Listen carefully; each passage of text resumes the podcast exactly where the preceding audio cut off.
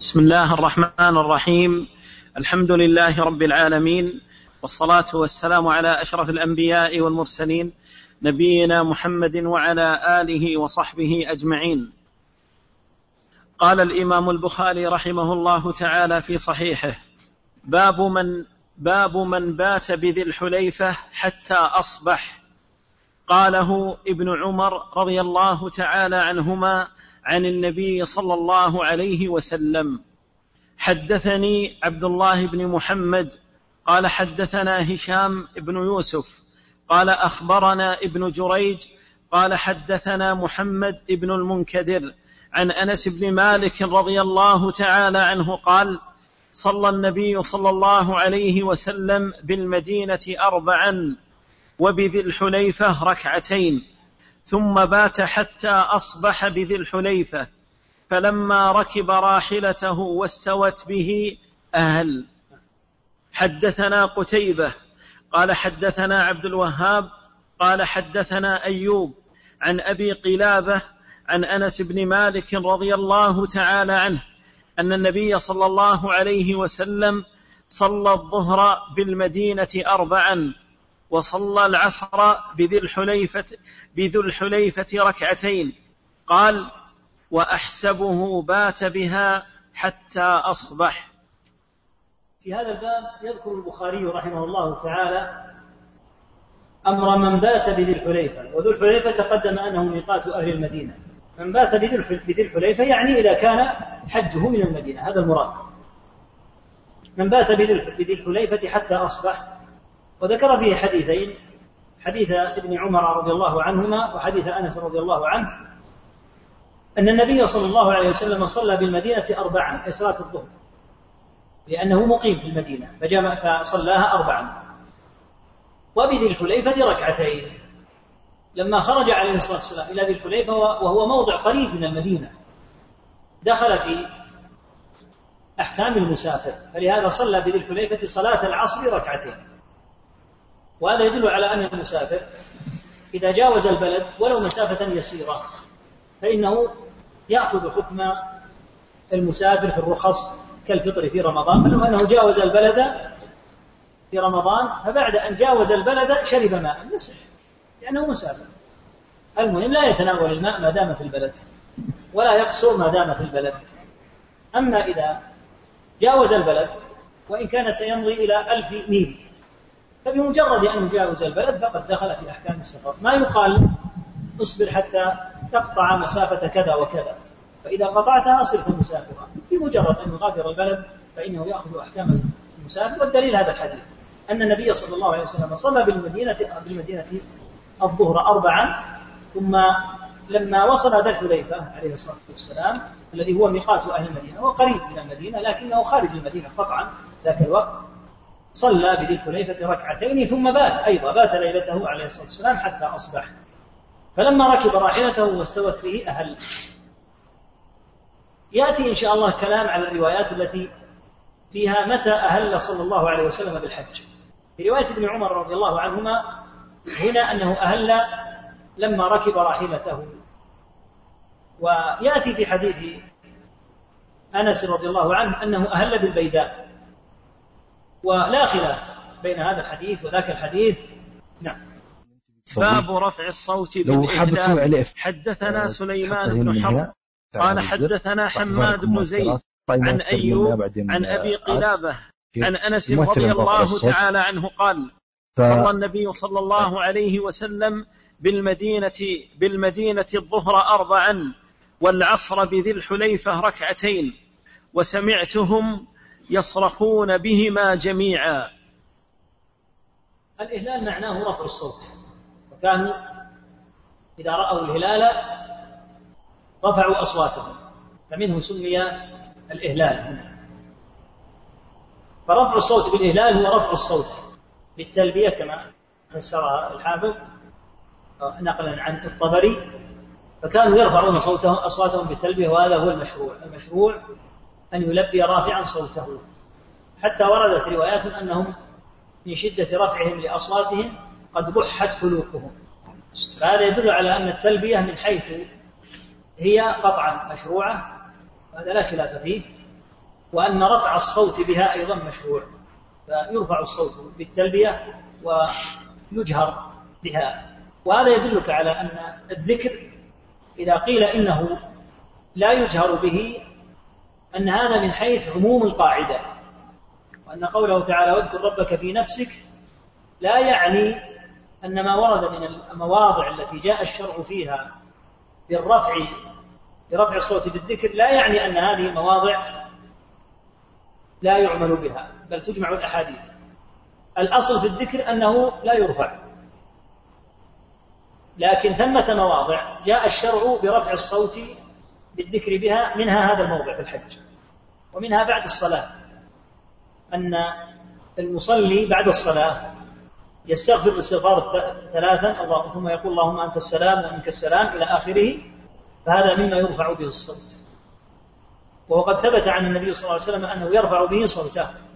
حتى روى الشافعي في الأم أن النبي صلى الله عليه وسلم كان يقول بصوته العالي اللهم أنت السلام ومنك السلام تباركت يا ذا الجلال والإكرام وهذا يدل على أنه لا لا يخفى بل يجهر به. ولهذا روى البخاري أنهم كانوا زمن ابن الزبير رضي الله عنهما كان لهم بالذكر بعد السلام لجة في المسجد الحرام لجة جلب صوت. وذلك أن المصلين إذا رفع هذا صوته وهذا صوته وهذا صوته ارتفع الصوت. ولهذا في حديث ابن عمر بن عباس رضي الله عنهما أنهم ما كانوا يعرفون انصراف النبي صلى الله عليه وسلم من صلاته إلا بالتكبير. يعني بعد أن الصحابة يشرعون في الذكر فيعلم الذين في خلف المسجد أو الآتي من خارج المسجد يعلم أنهم قد انصرفوا من صلاتهم لأنهم يرفعون أصواتهم وهذه سنة خبت في الناس جدا وقلت. حتى إن بعض الناس صار يستغرب وينظر إلى من يرفع صوته كأنه يريد منه أن يغض الصوت وربما قال إنك تشوش على غيرك بمثل هذا وهذا غلط لأن هذا ليس بصحيح أن تقابل به سنة رسول الله صلى الله عليه وسلم. فالمواضع التي جهر فيها النبي صلى الله عليه وسلم بالذكر يجهر فيها وما لم يجهر به بالذكر فإنه لا يجهر به لا يجهر به. ولهذا رفع الصوت بالتأمين في الصلاة آمين دعاء. ومع ذلك المشروع للإمام وللمنفرد وللإمام والمأموم المشروع لهما أن يرفعا أن يرفع لهم جميعا أن يرفعوا الصوت بالتأمين. مع أنه دعاء. والداعي الأصل أنه يدعو لا يرفع صوته. ومع ذلك هذه المواطن التي جاء الشرع بتخصيصها تخرج من عموم القاعدة حتى يجمع بين الأدلة وإلا في مثل هذه الحال لو سلك مسلك رد مثل هذه النصوص لردت نصوص كثيرة أخرجت من العموم بتخصيصها. هذه قاعدة أن الخاص يعمل به ويخرج من قاعدة العام. فالذي سيلتزم الأخذ بالعام مطلقا ولا يعمل الأدلة التي جاءت في مواضع خاصة معناه أنه سيرد أحاديث كثيرة. قصت من بين العموم وهكذا أحاديث مطلقة قيدت في مواضع. القاعدة عند أهل العلم أن الخاصة يقضي كما قالوا يقضي على العام. الخاص يعمل بخصوصه ويبقى العام على عمومه فيما سوى الخاص. في هذا الحديث أنهم كانوا يرفعون أصواتهم بالإهلال. صلى النبي صلى الله عليه وسلم بالمدينة الظهر أربعا وفي ذي الحليفة ركعتين وسمعتهم يصرفون بهما جميعا. قال الحافظ يصرفون بهما أي بالحج والعمرة أنهم يرفعون الصوت بالإهلال فهذا من المواضع المستثنات. نعم. باب التلبية. حدثنا عبد الله بن يوسف قال أخبرنا مالك عن نافع عن عبد الله بن عمر رضي الله تعالى عنهما أن تلبية رسول الله صلى الله عليه وسلم لبيك اللهم لبيك لبيك لا شريك لك لبيك إن الحمد والنعمة لك والملك لا شريك لك. التلبية معلومة معروفة عند كل من حج أو اعتمر وهي هذه الكلمات العظيمة التي قالها صلى الله عليه وسلم. وقيل في معنى لبيك أي إجابة بعد إجابة.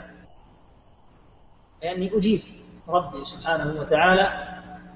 وقيل إن معناها أنا مقيم على طاعتك من قولهم لب الرجل بالمكان إذا أقام به. فالتلبية إجابة. وقد أمر الله تعالى إبراهيم عليه الصلاة والسلام أن يؤذن في الحج. يؤذن الناس بالحج. يؤذن في الناس بالحج. يأتوك رجالا. فمن كتب الله تعالى له أن يحج فقد أجاب التلبية التي فقد أجاب النداء الذي نادى به إبراهيم عليه الصلاة والسلام. وجاء في بعض الآثار عن السلف رضي الله عنهم أن إبراهيم لما أمر بهذا قال يا رب كيف أسمع الناس؟ فأمره الله تعالى بأن ينادي والإسماع على الله سبحانه وتعالى فأسمع الرجال وهم في أصلاب آبائهم فكل من حج فإنه قد أجاب هذه الدعوة. لبيك اللهم لبيك. لبيك لا شريك لك لبيك ولهذا هذا الإهلال يكون بالتوحيد. قال أهل بالتوحيد لأنه يلبي غير مشرك. وكان المشركون يقولون في تلبيتهم لبيك اللهم لبيك لبيك لا شريك لك إلا شريكا هو لك تملكه وما ملك. فلهذا كان النبي صلى الله عليه وسلم إذا قالوا لبيك اللهم لبيك لبيك لا شريك لك قال لهم قد قد أي حسبكم يكفي. قفوا يعني عند هذا لأن هذا توحيد. لبيك لا شريك لك ثم يواصلون شرك شركهم فيقولون إلا شريكا هو لك تملكه وما ملك أما أمة التوحيد فهذه تلبيتها. لبيك اللهم لبيك لبيك لا شريك لك. لبيك إن الحمد والنعمة لك والملك. لا شريك لك فلله الحمد ولله النعمة والملك له. تبارك وتعالى فهي كلمات عظيمة مشتملة على الإقرار بالتوحيد. وأن النعمة منه عز وجل وأن الحمد له تبارك وتعالى على نعمه وآلائه وأنه هو الملك وحده لا شريك نعم. حدثنا محمد بن يوسف قال حدثنا سفيان عن الأعمش عن عمارة عن أبي عطية عن عائشة رضي الله تعالى عنها قالت إني لأعلم كيف كان النبي صلى الله عليه وسلم يلبي. لبيك اللهم لبيك لبيك لا شريك لك لبيك إن الحمد والنعمة لك. تابعه أبو معاوية عن الأعمش. وقال شعبة أخبرنا سليمان قال سمعت خيثمة عن أبي عطية سمعت عائشة رضي الله تعالى عنها. هذا أيضا جاء من حديث عائشة رضي الله تعالى عنها صفة تلبيته صلوات الله وسلامه عليه وهل يصح أن يزاد على هذه التلبية؟ كأن يقال لبيك وسعديك والخير في يديك ونحو ذلك.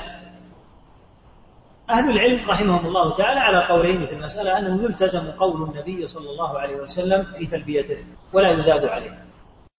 ومنهم من قال إنه لا بأس أن يلبى بتلبية سليمة بعيدة عن الإشكال والدليل على هذا أنهم كانوا يلبون ويسمع النبي صلى الله عليه وسلم تلبيتهم بأنواع من التلبية وما كان ينكر عليهم.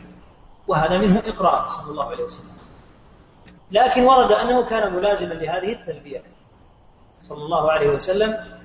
فالذي يترجح هو العلم عند الله تعالى أن الأولى أن ينظر في الألفاظ التي وردت عنه عليه الصلاة والسلام فتلتزم.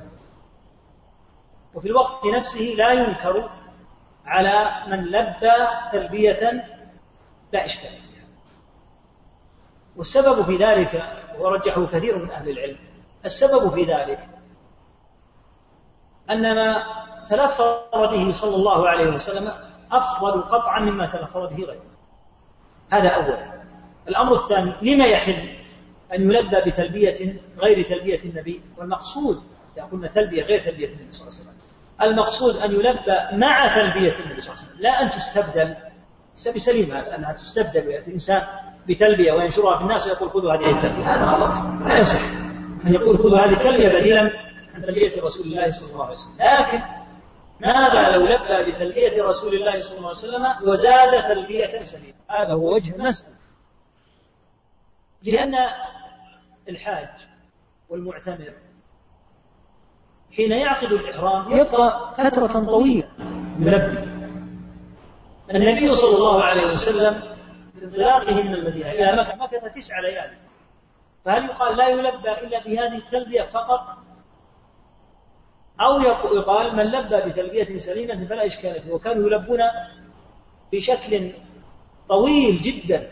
لا يلبون تلبية عند الإهلال ثم ينسون التلبية إلى أن يصلوا مكة لا. فيقال من لبى بتلبية النبي صلى الله عليه وسلم ولزم ما ورد عن النبي صلى الله عليه وسلم ففعله أفضل. قطعا ومن لبى بتلبية بعد تلبية النبي صلى الله عليه وسلم أو مع تلبية النبي صلى الله عليه وسلم ومعناها سليم وحق فلا إشكال في هذا إن شاء الله. لهذا كانوا يلبون بأنواع من التلبية ولم يكن صلى الله عليه وسلم ينكر عليه وقد ذكر الحافظ في الشرح خلاف أهل العلم رحمهم الله تعالى في حكم التلبية. فمنهم من قال إنها سنة. ومنهم من قال إنها واجب يجب بتركها دم. ومنهم من قال إنها واجب لكن يقوم مقامها ما يتعلق بأفعال الحج الأخرى. ومنهم من قال إنها ركن في الإحرام لا ينعقد إلا بالتلبية كما أن الصلاة لا تنعقد إلا بتكبيرة الإحرام.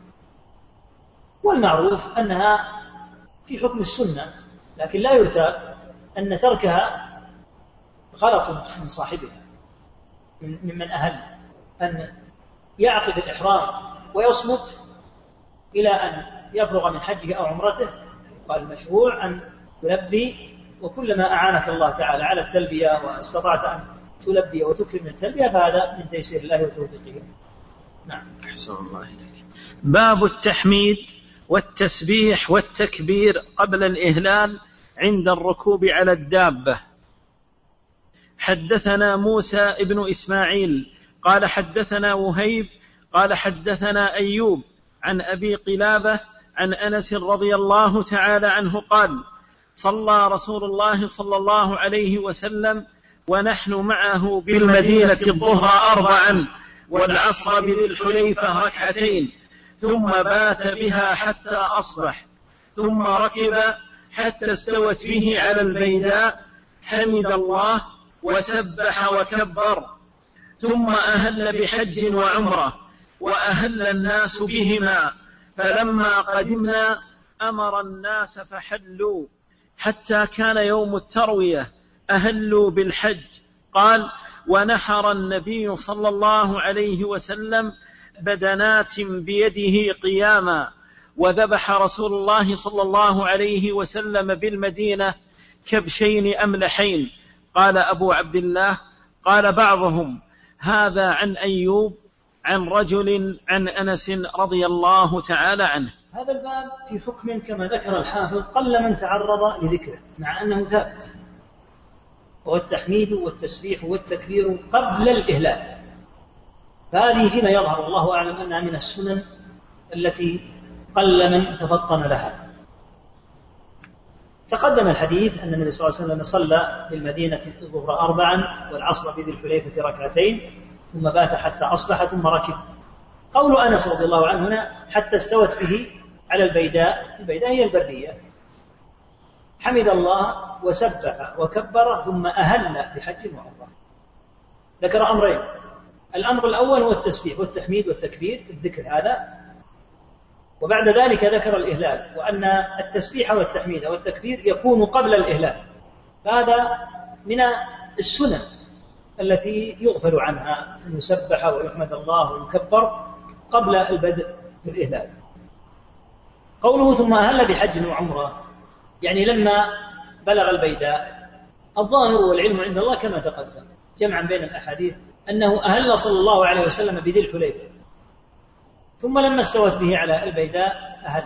فسمع بعض الصحابة رضي الله عنهم إهلاله بذي الحليفة فرووه كابن عمر.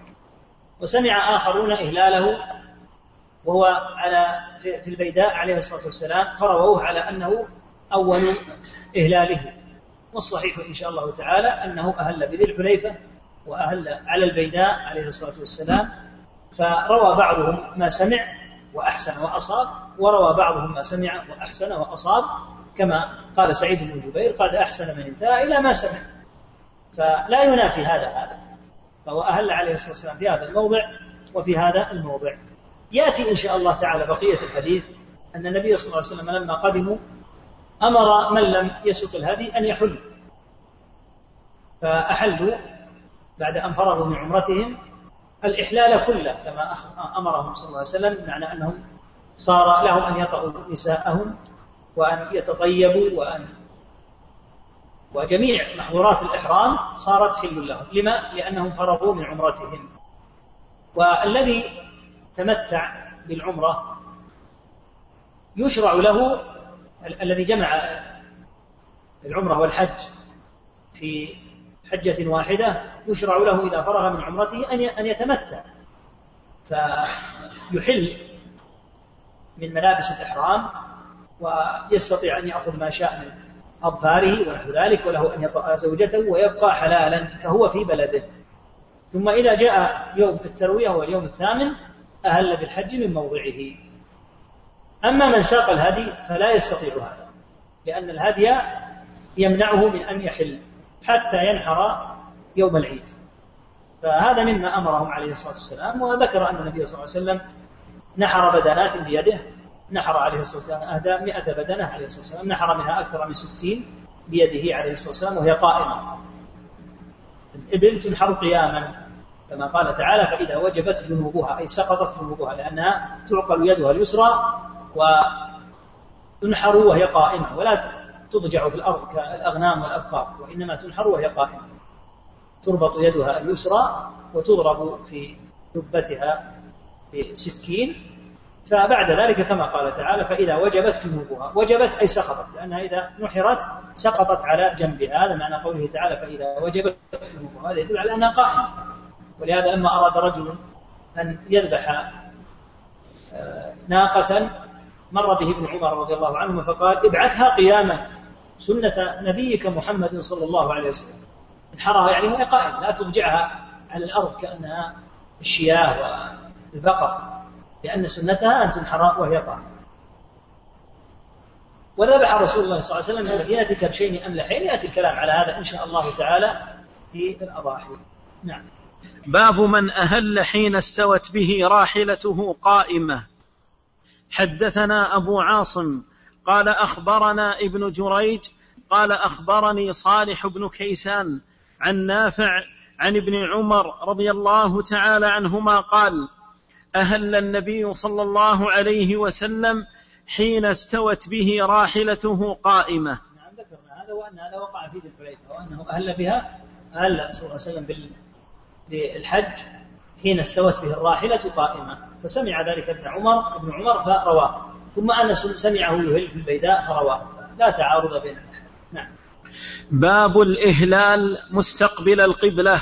وقال أبو معمر حدثنا عبد الوارث قال حدثنا أيوب عن نافع قال كان ابن عمر رضي الله تعالى عنهما إذا صلى بالغداة إذا صلى بالغداة بذي الحليفة أمر براحلته فرحلت فرحلت ثم ركب فإذا استوت به استقبل القبلة قائما ثم يلبي حتى يبلغ حتى يبلغ حتى يبلغ المحرم ثم يمسك. حتى إذا جاء ذا طوى بات به حتى يصبح. فإذا صلى الغداة اغتسل وزعم أن رسول الله صلى الله عليه وسلم فعل ذلك. تابعه إسماعيل عن أيوب في الغسل. في هذا فائدة أن الإعلان يكون المرء مستقبلا القبلة.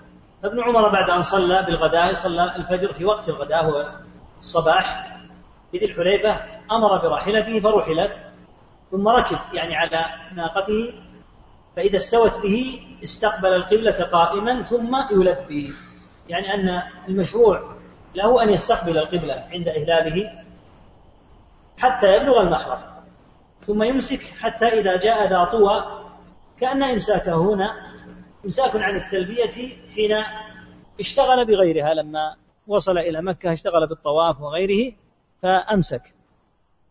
حتى إذا جاء ذا طوى وهذا الإمساك لا يعني إمساكا تاما وانقطاعا عن التلبية لأن التلبية يرجع إليها كما يأتي إن شاء الله تعالى متى يكون وقت الفراغ من التلبية. حتى إذا جاء ذا طوى ووادي بات به حتى يصبح عليه الصلاة والسلام. فإذا صلى الغداة اغتسل. هذا الفعل كله من ابن عمر رضي الله تعالى عنهما. يقول الراوي وزعم أن رسول الله صلى الله عليه وسلم فعل ذلك. يعني ابن عمر بعد أن فعل هذه الأمور زعم أن النبي صلى الله عليه وسلم فعل ذلك. الزعم يطلق ويراد به القول الصحيح. كما يقول إنسان زعم فلان أنه رأى فلانا وعنده أنه ثقة. فالزعم يطلق على القول الصحيح. وإن كان الغالب الغالب أن الزعم يطلق على الباطل. كما قال تعالى زعم الذين كفروا أن لا يبعثوا. قل بلى وربي لتبعثن. ولهذا جاء في بعض الروايات أن النبي صلى الله عليه وسلم قال جبريل زعم ذلك. فالزعم في هذه النصوص معناها قال وليس معناها القول الباطل فهذا ينبغي أن يتفضل له لأن بعض طلبة العلم قد يعلم أن الزعم كما في الحديث بئس مطية الرجل الرجل زعموا وأن الله تعالى قال زعم الذين كفروا أن لا يبعثوا. فيظن أن الزعم يطلق في الأقوال الباطلة وهذا ليس بسليم لأن الزعم يطلق في الأقوال الباطلة كثيرا ولكن قد يطلق على الأقوال الصحيحة. كأن تتحدث أنت فتقول أنا أزعم كذا وكذا. هل أنت بقولك أنا أزعم؟ إذا قلت أنا أزعم أن الصواب في المسألة كذا هل أنت تكذب؟ لا قطعا ليس يكذب ولكنه استعمل الزعم هنا بمعنى القول. فينبغي أن يعرف ذلك وأن يعلم أن الألفاظ في بعض الأحيان تطلق ويراد بها أكثر من معنى. فإذا لم يفهم منها طالب العلم إلا معنى واحدا فإنه يسيء فهم بعض النصوص. قد يظن أن الراوي يسيء القول لابن عمر. يزعم أن رسول الله رسول الله صلى الله عليه وسلم فعل ذلك كأنه يعني ادعى على النبي صلى الله عليه وسلم دعوة غير صحيحة. لا ليس هذا المقصود. وإنما المقصود زعم ذلك أي قال ذلك بالضبط تماما أنها تطلق على القول الصحيح. نعم. حدثنا سليمان بن داود. بن, بن داود. نعم. أبو, أبو الربيع. قال حدثنا حليف عندك أبو الربيع أو الربيع؟ مشدد فتح الراء. بالفتح الربيع إذا إذا كانت الربيع تكون الراء بالضم. الربيع تكون فتاة. والربيع يطلق على الرجل. نعم. حدثنا سليمان بن داود أبو الربيع. قال حدثنا فليح عن نافع. قال كان ابن عمر رضي الله تعالى عنهما إذا أراد الخروج إلى مكة ادهن بدهن ليس له رائحة طيبة. ثم يأتي مسجد الحليفة فيصلي ثم يركب وإذا استوت به راحلته قائمة أحرم. ثم قال هكذا رأيت النبي صلى الله عليه وسلم يفعل. ابن عمر رضي الله عنهما كما قال شيخنا الشيخ ابن باز رحمه الله خفي عليه جواز الطيب. وكان لا يراه. الطيب إنما ينهى عنه المحرم إذا دخل في النسك. أما عند الإحرام ويأتي إن شاء الله تعالى عندما يريد أن يحرم فالمشروع له أن يتطيب كما تطيب صلى الله عليه وسلم عند إحرامه. وقد طيبته عائشة رضي الله عنها. وبقاء الطيب بعد ذلك لا يضر.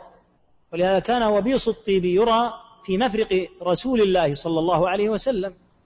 بعد أن شرع في الإحرام. المنهي عنه هو استحداث الطيب بعد الإحرام.